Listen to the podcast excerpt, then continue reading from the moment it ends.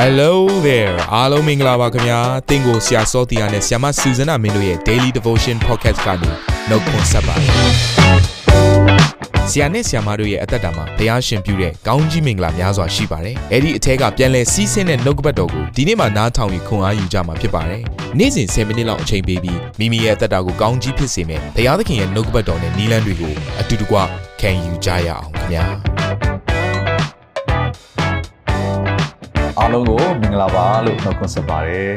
ဒီတစ်ပတ်တာတော့တဲ့မှာလေ့လာနေတဲ့ခေါင်းစဉ်ကတော့ကျွန်တော်တို့ခန္ဓာအသစ်အတွက်ပြင်ဆင်ခြင်းဆိုတဲ့နှုတ်ကပတ်တော်အပြင်လေ့လာနေတာဖြစ်တယ်မနေ့ကလည်းကျွန်တော်တို့နော်ဘလို့ကိုယ်ခန္ဓာမျိုးကိုကျွန်တော်တို့ကလက်ခံရရှိမှာလဲနော်တေခြင်းတစ်ဖက်ကမ်းမှာကျွန်တော်တို့ရရှိမဲ့အခန္ဓာအသက်ဟာဘလို့ပုံစံမျိုးလဲဆိုတာကိုနှုတ်ကပတ်တော်နဲ့လေ့လာခဲ့ကြပြီးဖြစ်ပါတယ်အားလုံးလည်းစိတ်လို့ရှားမယ်လို့ကျွန်တော်မျှော်လင့်နေခဲ့ဒီနေ့မှာတော့နော်ထုတ်ကိုယ်ခန္ဓာအသက်အတွက်ပြင်ဆင်သော အချိန်ဟာယခုချိန်ဖြစ်တယ်ဆိုတာကိုသဘောပေါက်ပြီးတော့เนาะဘယ်လိုပုံစံနဲ့ကျွန်တော်ပြင်ဆင်မလဲဆိုတဲ့အရာကိုလေ့လာဖို့ဖြစ်တယ်။ခေါင်းစဉ်ကတော့ယုံကြည်သူများအားတရားစီရင်မည်။အဲတော့ကျွန်တော်တို့ယုံကြည်သူတွေကဒီခါဒီမှာဘယ်လိုထင်တတ်လဲဆိုတော့ငါတို့ကတော့တရားစီရင်ခြင်းနဲ့ကင်းလွတ်မယ်ဆိုတဲ့အရာကိုเนาะတရားစီရင်ခြင်းနှစ်မျိုးကိုနားမလဲအတွက်ကြောင့်မလို့ကျွန်တော်တို့ဒါကိုပြောပြီးတော့ တတိလက်လွတ်အသက်ရှင်တတ်တယ်။ဘုရားခင်ကမေတ္တာရှင်ဘုရားပဲเนาะသူရဲ့သားသမီးတွေကိုဘလို့အချိန်မျိုးမှာပဲဖြစ်ဖြစ်ကြိုဆိုတယ်လက်ခံတယ်ငါတို့ဘာပဲလုပ်လို့လုပ်လို့ရတယ်ဆိုတော့ဒီလိုမျိုးယူဆချက်တွေနဲ့เนาะသေချာနားမလဲပဲနဲ့ဒူးစရိုက်လန်းတွေကိုရှောက်ပြီးတော့ခါခဏခဏပြန်ပြီးတောင်းပန်တဲ့အသက်ရှင်မှုမျိုးတွေကိုလည်းကျွန်တော်တွေ့ရပါတယ်เนาะဒါကြောင့်မလို့ဒီနေ့မှာမိမိအသက်ရှင်မှုမှာမှန်ကန်မှုရှိဖို့ရန်အလို့ငါဒီနှုတ်ကပတ်တော်အဖြစ်သတိပေးလိုပါတယ်အဲ့ဒါကတော့ယုံကြည်သူများဟာတရားစီရင်ခံရမယ် ဒါပေမဲ့ဘယ်လိုပုံစံနဲ့တရားစီရင်ခံရမလဲနှုတ်ကပတ်တော်ကိုလေ့လာရအောင်တစ်ပေးခန်းကြီးလေးငယ်ဆက်ခွန်နေဆက်ရှိကိုရင်ဖတ်ချင်ပါတယ်ဘုရားသခင်အိမ်တော်သားတို့ကိုရှေးဥစွာစစ်ကြောစီရင်ရသောအချိန်ရှိပြီငါတို့ကိုရှေးဥစွာစစ်ကြောရန်ရှိပြီငါတို့ကိုရှေးဥစွာစစ်ကြောစီရင်လျင်ဘုရားသခင်၏ဧဝံဂေလိတရားစကားကိုနားမထောင်သောသူတို့၏အမှုသည်အဘယ်သို့ပြီးလိမ့်မည်နည်းဖြောင့်မတ်သောသူသည်ကယ်တင်ခြင်းသို့ရောက်နိုင်ခဲ့သည်မှန်လျင် ဖျားသခင်ကိုမကိုးကွယ်သောသူအပြစ်ထင်ရှားသောသူသည်အဘယ်မှာပေါ်လိမ့်မည်နည်းအဲ့တော့ဒီကျမ်းစာလေးအားဖြင့်ကျွန်တော်နားလည်ရတဲ့တစ်ချက်ကတော့တရားစင်ခြင်းမှာပထမဦးဆုံးဦးစားပေးပြီးတော့တရားစင်မဲ့သူတွေဟာယုံကြည်သူများဖြစ်တယ်ဆိုတဲ့အရာကိုနားလည်ရပါတယ်အဲ့တော့ဒီကျမ်းစာအဖြစ်ညီကောင်မောင်တို့များတလဲမယူပါနဲ့ခရစ်တော်ရဲ့တရားပလင်ဆိုတာရှိပါတယ်အဲ့ဒါယုံကြည်သူတွေကိုတရားစင်မှာဖြစ်ပါတယ်နော်အဲ့တော့ဘုရားသခင်ကိုမသိသောသူတွေနဲ့နေ့စာတန် ခါမန်နဲ့အပေါင်းပါတွေပေါ့လေเนาะအားလုံးကိုတရားစီရင်မယ်တရားစီရင်ခြင်းကလည်းရှိပါတယ်အဲ့တော့ဒီຢာကိုတော့ကျွန်တော်တို့ယုံကြည်သူများကတော့ဝင်ရမှာမဟုတ်ပါဘူးဒါပေမဲ့ယုံကြည်သူများကိုတရားစီရင်မဲ့ခရစ်တော်၏တရားပလင်ဆိုတာရှိပါတယ်အင်္ဂလိပ်လိုဆိုရင်တော့ judgment seat of Jesus Christ အဲ့တော့ယေရှုခရစ်တော်ရဲ့တရားပလင်ရှိပါတယ်အဲ့ဒါယုံကြည်သူတွေကိုစီရင်မှာဖြစ်ပါတယ်เนาะဒါနဲ့ပတ်သက်ပြီးတော့ယောမအခန်းကြီး14အငယ်30ကနေပြီးတော့7အထိမှာ ဘာကိုတွေ့ရလဲဆိုတော့တင်းဒီညီကိုချင်းကိုအပဲကြောင့်စစ်ကြောစီရင်သည်ညီကိုချင်းတို့ပြောလာပြီဆိုတော့ဒါယုံကြည်သူချင်းချင်းကိုပြောနေတာဖြစ်ပါတယ်ညီကိုချင်းကိုအပဲကြောင့်မထီမဲ့မြင်ပြုသည်ငါတို့ရှိသမျှသည်ခရစ်တော်၏တရားပလင်တော်ရှေ့သို့ရောက်ရကြမည်ကျမ်းစာလာသည်ကငါအသက်ရှင်တော်မူသည်ဖြစ်၍ငါရှိ၌လူတိုင်းဒူးထောက်ရမည် ဖျားသခင်အားလူတိုင်းမိမိနှုတ်နှင့်သစ္စာခံရမည်ဟုထာဝရဘုရားမိတော်မူ၏တို့ဖြစ်၍ငါတို့ရှိသမျှသည်ဖျားသခင်စစ်ကြောတော်မူခြင်းကိုခံရကြမည်အဲ့တော့ကဲဖျားသခင်ကတော့သိကြပြီဒါကျွန်တော်ယုံကြည်သူများကိုတရားစီရင်ပြီအဲ့တော့ဘလို့တရားစီရင်ပါလဲဒါကစိတ်ဝင်စားစရာဖြစ်တယ်ဘာအတွက်တရားစီရင်ပါလဲဒါကိုနှစ်ကောခန်းကြီး9အငယ်30မှာကျွန်တော်ရေးထားတယ်တခါဆက်ပြီးတော့ခဏနေကြခြားချမ်းစာများကိုလေ့လာတော့မှာဖြစ်တယ် နှစ်ကောခန်းကြီး9ငယ်10မှာအကြောင်းမူကားငါတို့ရှိသမျှသည်ကိုခန္ဓာ၌ကျင့်သောအကျင့်ကောင်းမကောင်းရှိသည့်အတိုင်းအကျိုးအပြစ်ကိုအသီးသီးခံခြင်းကခရစ်တော်၏တရားပလင်ရှိ၌ပေါ်လာရကြမည်အဲ့တော့ဒီတရားစီရင်ခြင်းဟာကျွန်တော်တို့ယုံကြည်သူများလှုပ်ဆောင်သောအလုပ်ကိုတရားစီရင်မှာဖြစ်ပါတယ်နော်ကျွန်တော်အပြစ်နဲ့ဆိုင်တဲ့တရားစီရင်ခြင်းမဟုတ်ဘဲနဲ့နော်အပြစ်နဲ့ပြောတဲ့အခါမှာနော်ကျွန်တော်တို့ရဲ့အပြစ်ဒူးစရာကြောင့်သွားမယ်နော်ငရဲအဲ့ဒါနဲ့ပတ်သက်တဲ့တရားစီရင်ခြင်းမဟုတ်ဘူးယေရှုကကယ်ပြီးသွားပြီ ဒါပေမဲ့ကဲတာဘာအတွက်လဲသူရဲ့ဘုံထင်ရှားဖို့ဖြစ်တယ်သူနဲ့နေစဉ်တူလာပြီးတော့ရင့်ကျက်ခြင်းစီကိုတက်လှမ်းဖို့ဖြစ်တယ်အဲ့တော့ကျွန်တော်နေစဉ်အသက်ရှင်ခြင်းဟာဒီတိုင်းမှာတသက်မတ်ထဲသွားနေလို့မရဘူးအမြဲတမ်းအားနေနေလို့မရဘူးအမြဲတမ်းဒူးစရိုက်ပြူပြီးတော့လဲလိုက်ပြိုလိုက်ဖြစ်နေလို့မရဘူးကျွန်တော်ရဲ့အသက်ရှင်မှုကတန်ရှင်းခြင်းလမ်းထဲမှာတရက်ပြီးတရက်တိုးပွားခြင်းရှိရမယ်တိုးတက်ခြင်းရှိရမယ်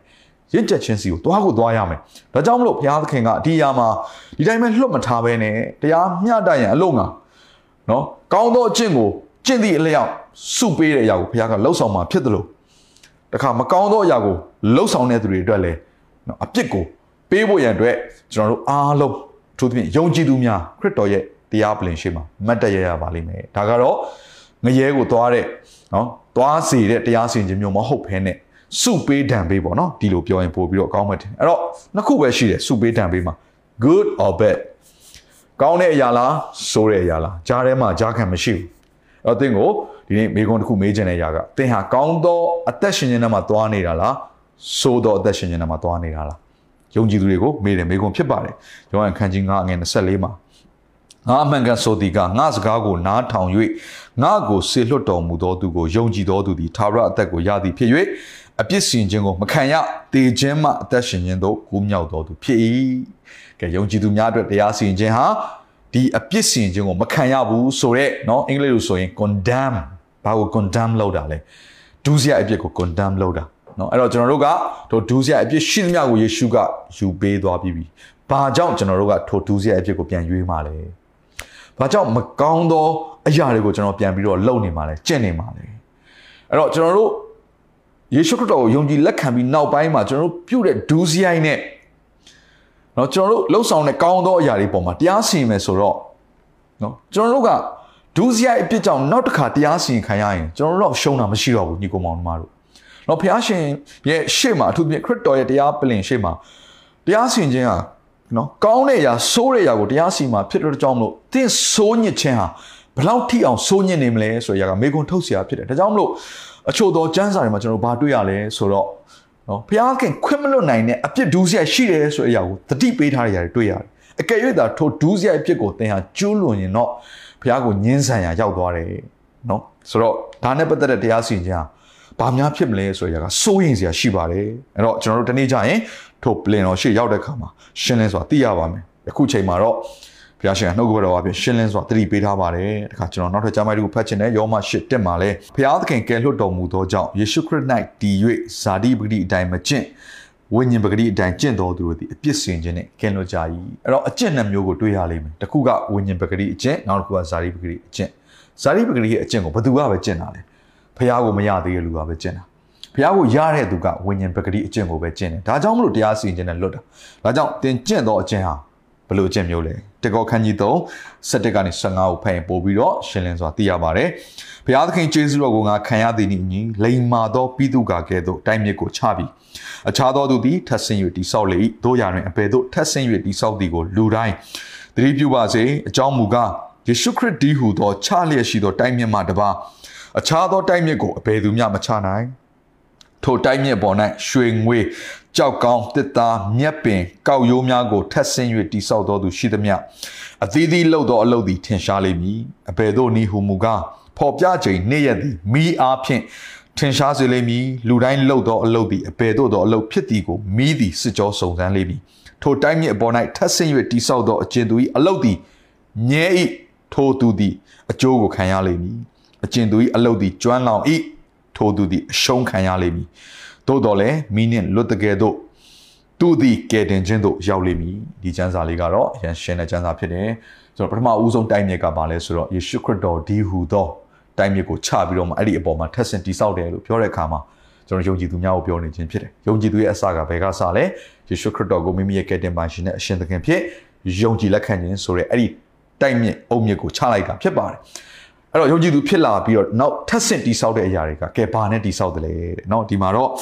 စစ်ဆေးမယ်တဲ့ဘာနဲ့စစ်ဆေးမလို့ဆိုမီးနဲ့စစ်ဆေးတဲ့အခါမှာကိုစောက်ထားတဲ့အရာကတစ်သားတို့မြက်ပင်တို့ကောက်ရိုးတို့စောက်မိရင်တော့အကုန်လုံးကကျွမ်းလောင်ပျက်စီးပြီးတော့ရှုံးမယ်အဲ့တော့ကျွန်တော်တို့ဒီလောကမှာအသက်ရှင်တဲ့အချိန်ကာလတွေကျွန်တော်တို့ရဲ့အားထုတ်မှုတွေအားလုံးဟာ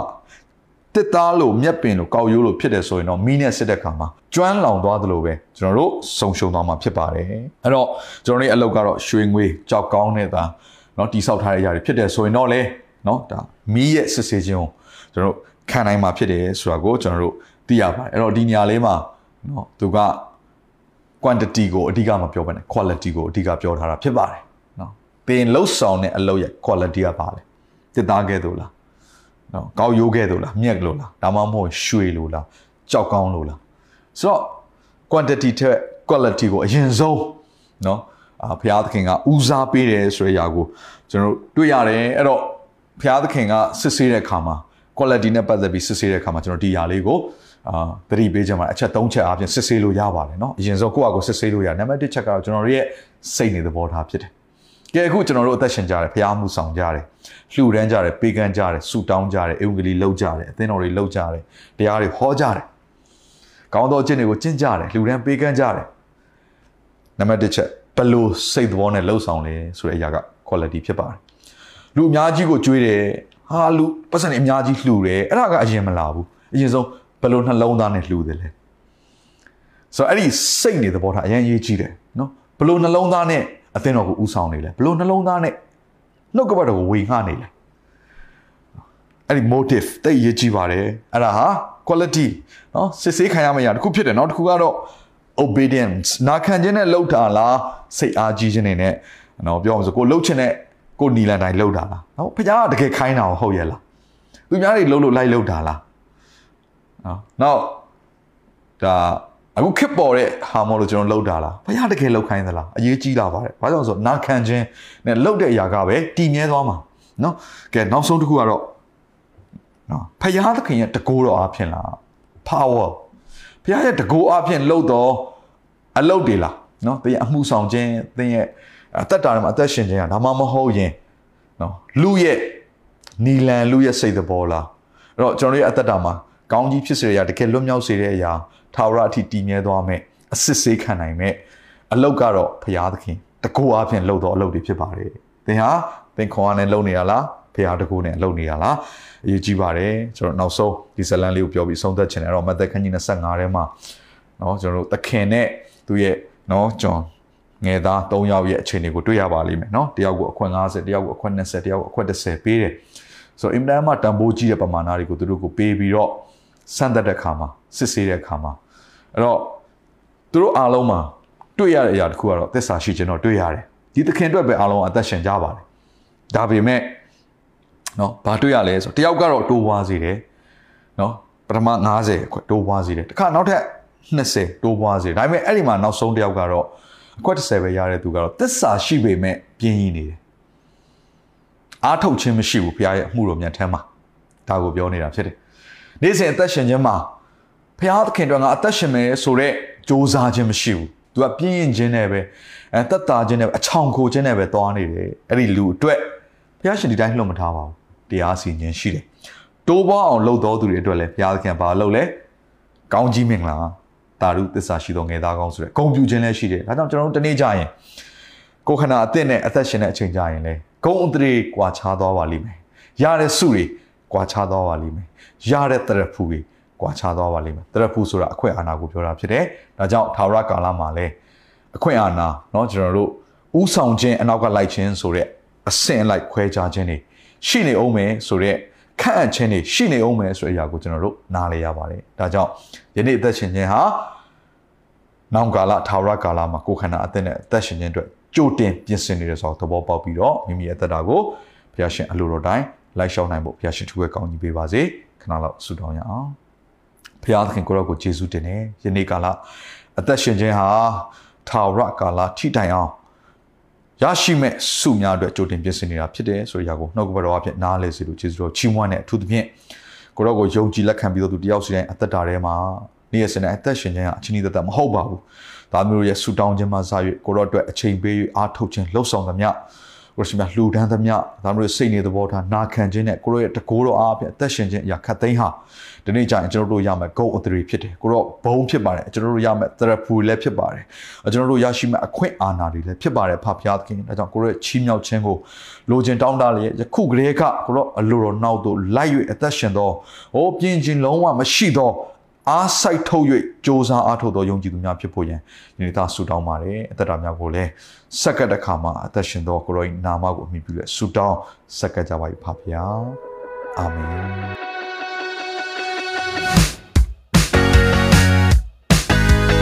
နာတော်တာစင်သူတိုင်းရဲ့အသက်တာမှာကောင်းကြီးဖြစ်မယ်ဆိုတာကိုကျွန်တော်ယုံကြည်ပါတယ်။ သင်ရဲ့အသက်တာအတွက်များစွာသော resource တွေနဲ့ update တွေကို Facebook နဲ့ YouTube platform တွေမှာလည်းကျွန်တော်တို့ပြင်ဆင်ထားပါတယ်။ Facebook နဲ့ YouTube တွေမှာဆိုရင် search box ထဲမှာစုစွမ်းနာမင်းလို့ရိုက်ထည့်လိုက်တဲ့အခါအပြအယောင်အမှန်ချစ်ထားတဲ့ Facebook page နဲ့ YouTube Channel ကိုတွေ့ရှိမှာဖြစ်ပါတယ်နှုတ်ကပတ်တော်တွေကိုဗီဒီယိုအားဖြင့်လည်းခွန်အားယူနိုင်ဖို့ရန်အတွက်အစဉ်သစ်ပြင်ဆင်ထားပါတယ်ကျွန်တော်တို့ဝိညာဉ်ရေးရာအတွက်အထူးလိုအပ်တဲ့ဖွင့်ပြခြင်းတွေနဲ့ခွန်အားတွေကိုရယူလိုက်ပါနောက်ရက်များမှာပြန်ဆုံတွေ့ကြရအောင်ခင်ဗျာအားလုံးကို နှုတ်ဆက်ပါတယ်